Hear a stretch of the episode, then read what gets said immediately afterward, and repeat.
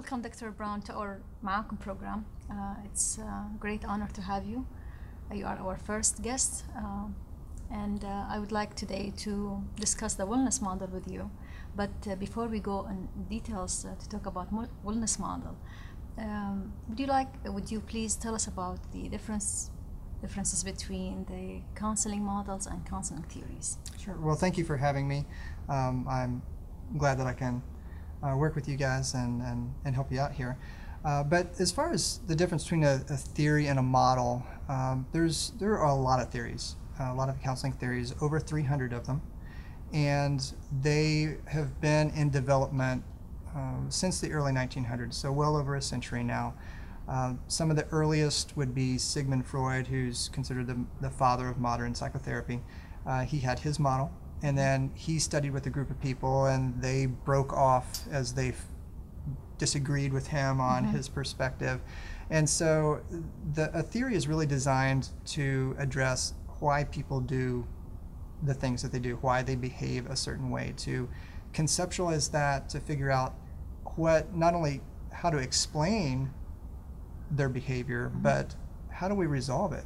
If there's some type of, of concern or problem that they have, or some kind of maladaptive behavior, how do we fix that? How do we resolve it? How do we um, improve it in, in some manner?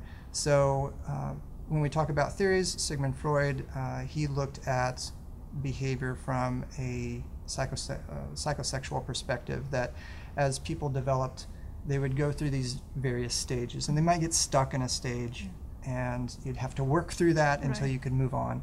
Um, and so, even as an adult, you could be stuck at something that he would say a three year old, that would be the, the age of a three year old. Um, and so they would still be an adult and they would still function as adult, but this part of them would still be, you know, three years old Yeah, almost. kind of or stuck at that stage in their life. Exactly, exactly. And so the idea was that we would fix that. We'd go back, Mm-hmm. address that, figure out what happened or what didn't happen, as Mm-hmm. the case may be, um, resolve that so that they could progress through the re- remaining stages.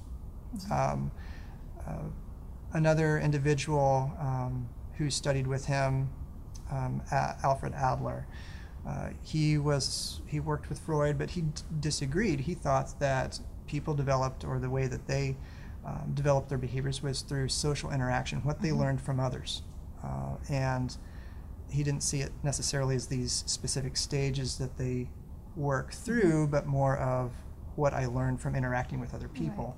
Uh, so he broke away, kind of formed his own school of thought, and developed the Adlerian theory uh, that we know today. And so it's just progressed on from there, from these early stages on to where we are right now. Uh, so, that, like I said, there's there's a lot of theories out there. Some are more popular than others. The counseling profession as a whole has kind of moved away from Freud's perspective into uh, more contemporary theories but uh, there's still a lot of psychotherapists out there, a lot of therapists that still practice from Freud's perspective. Now, a model, on the other hand, is a theoretical, meaning it's not really wrapped around or designed to fit within one theory. Yeah. Uh, so it can be used within multiple theories.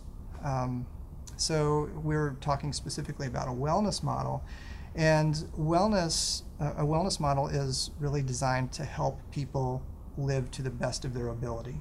So um, it's kind of preventative in nature. If we if we talk about that, that might be a topic we get into Yeah, later. right. Uh, but it's it's designed to help them um, prevent things from happening. So if if we're anticipating something happening, or just you know, if you think of physical health, we know that if we exercise, that we can potentially live longer or live a healthier lifestyle. That we will have, you know, we'll be healthier, we'll be happier, Right. we'll feel better. It's the same thing with a wellness model. Is that we try to address concerns before they become concerns.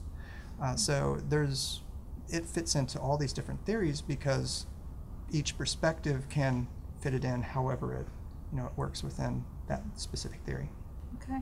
So after knowing or um, learning about uh, some of the differences between uh, the models and the theories, um, what about telling us about some of the major um, models in the field, the counseling field?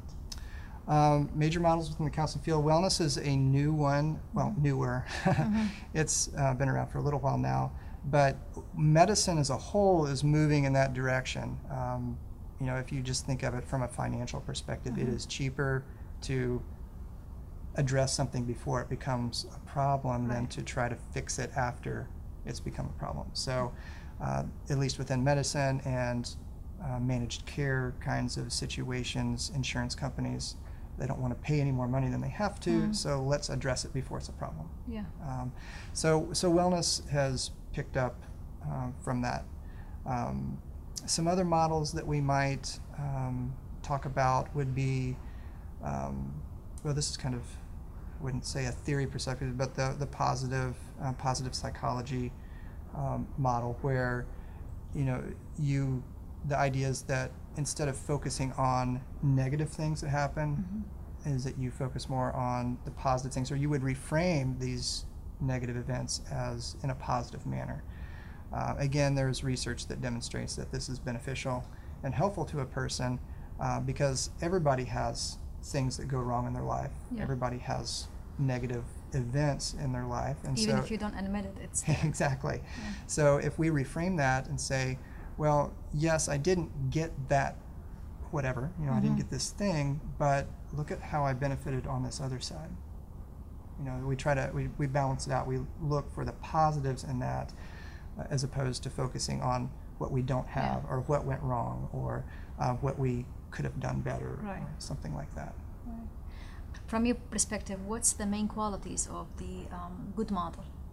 Uh, the idea with, at least what I find advantageous with a model, is something that's simple, that's easy to remember, that's easy to use, that's Mhm. easy to incorporate into my daily life. Mhm. If things get too complicated, they get too complex, they get too difficult to push in, then you know I don't have time for it. Right. You know, we don't, as especially here in the United States, we want convenience. We want something that is easy to do.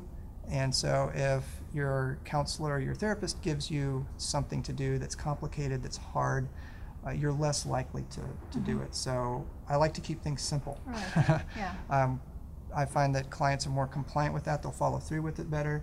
Um, it's easier for me. Yeah. Um, it's easy for me to follow up on. It's easier for me to do myself Mhm. if if we keep it simple, um, have it something that's easy to remember, Right. uh, something that's straightforward.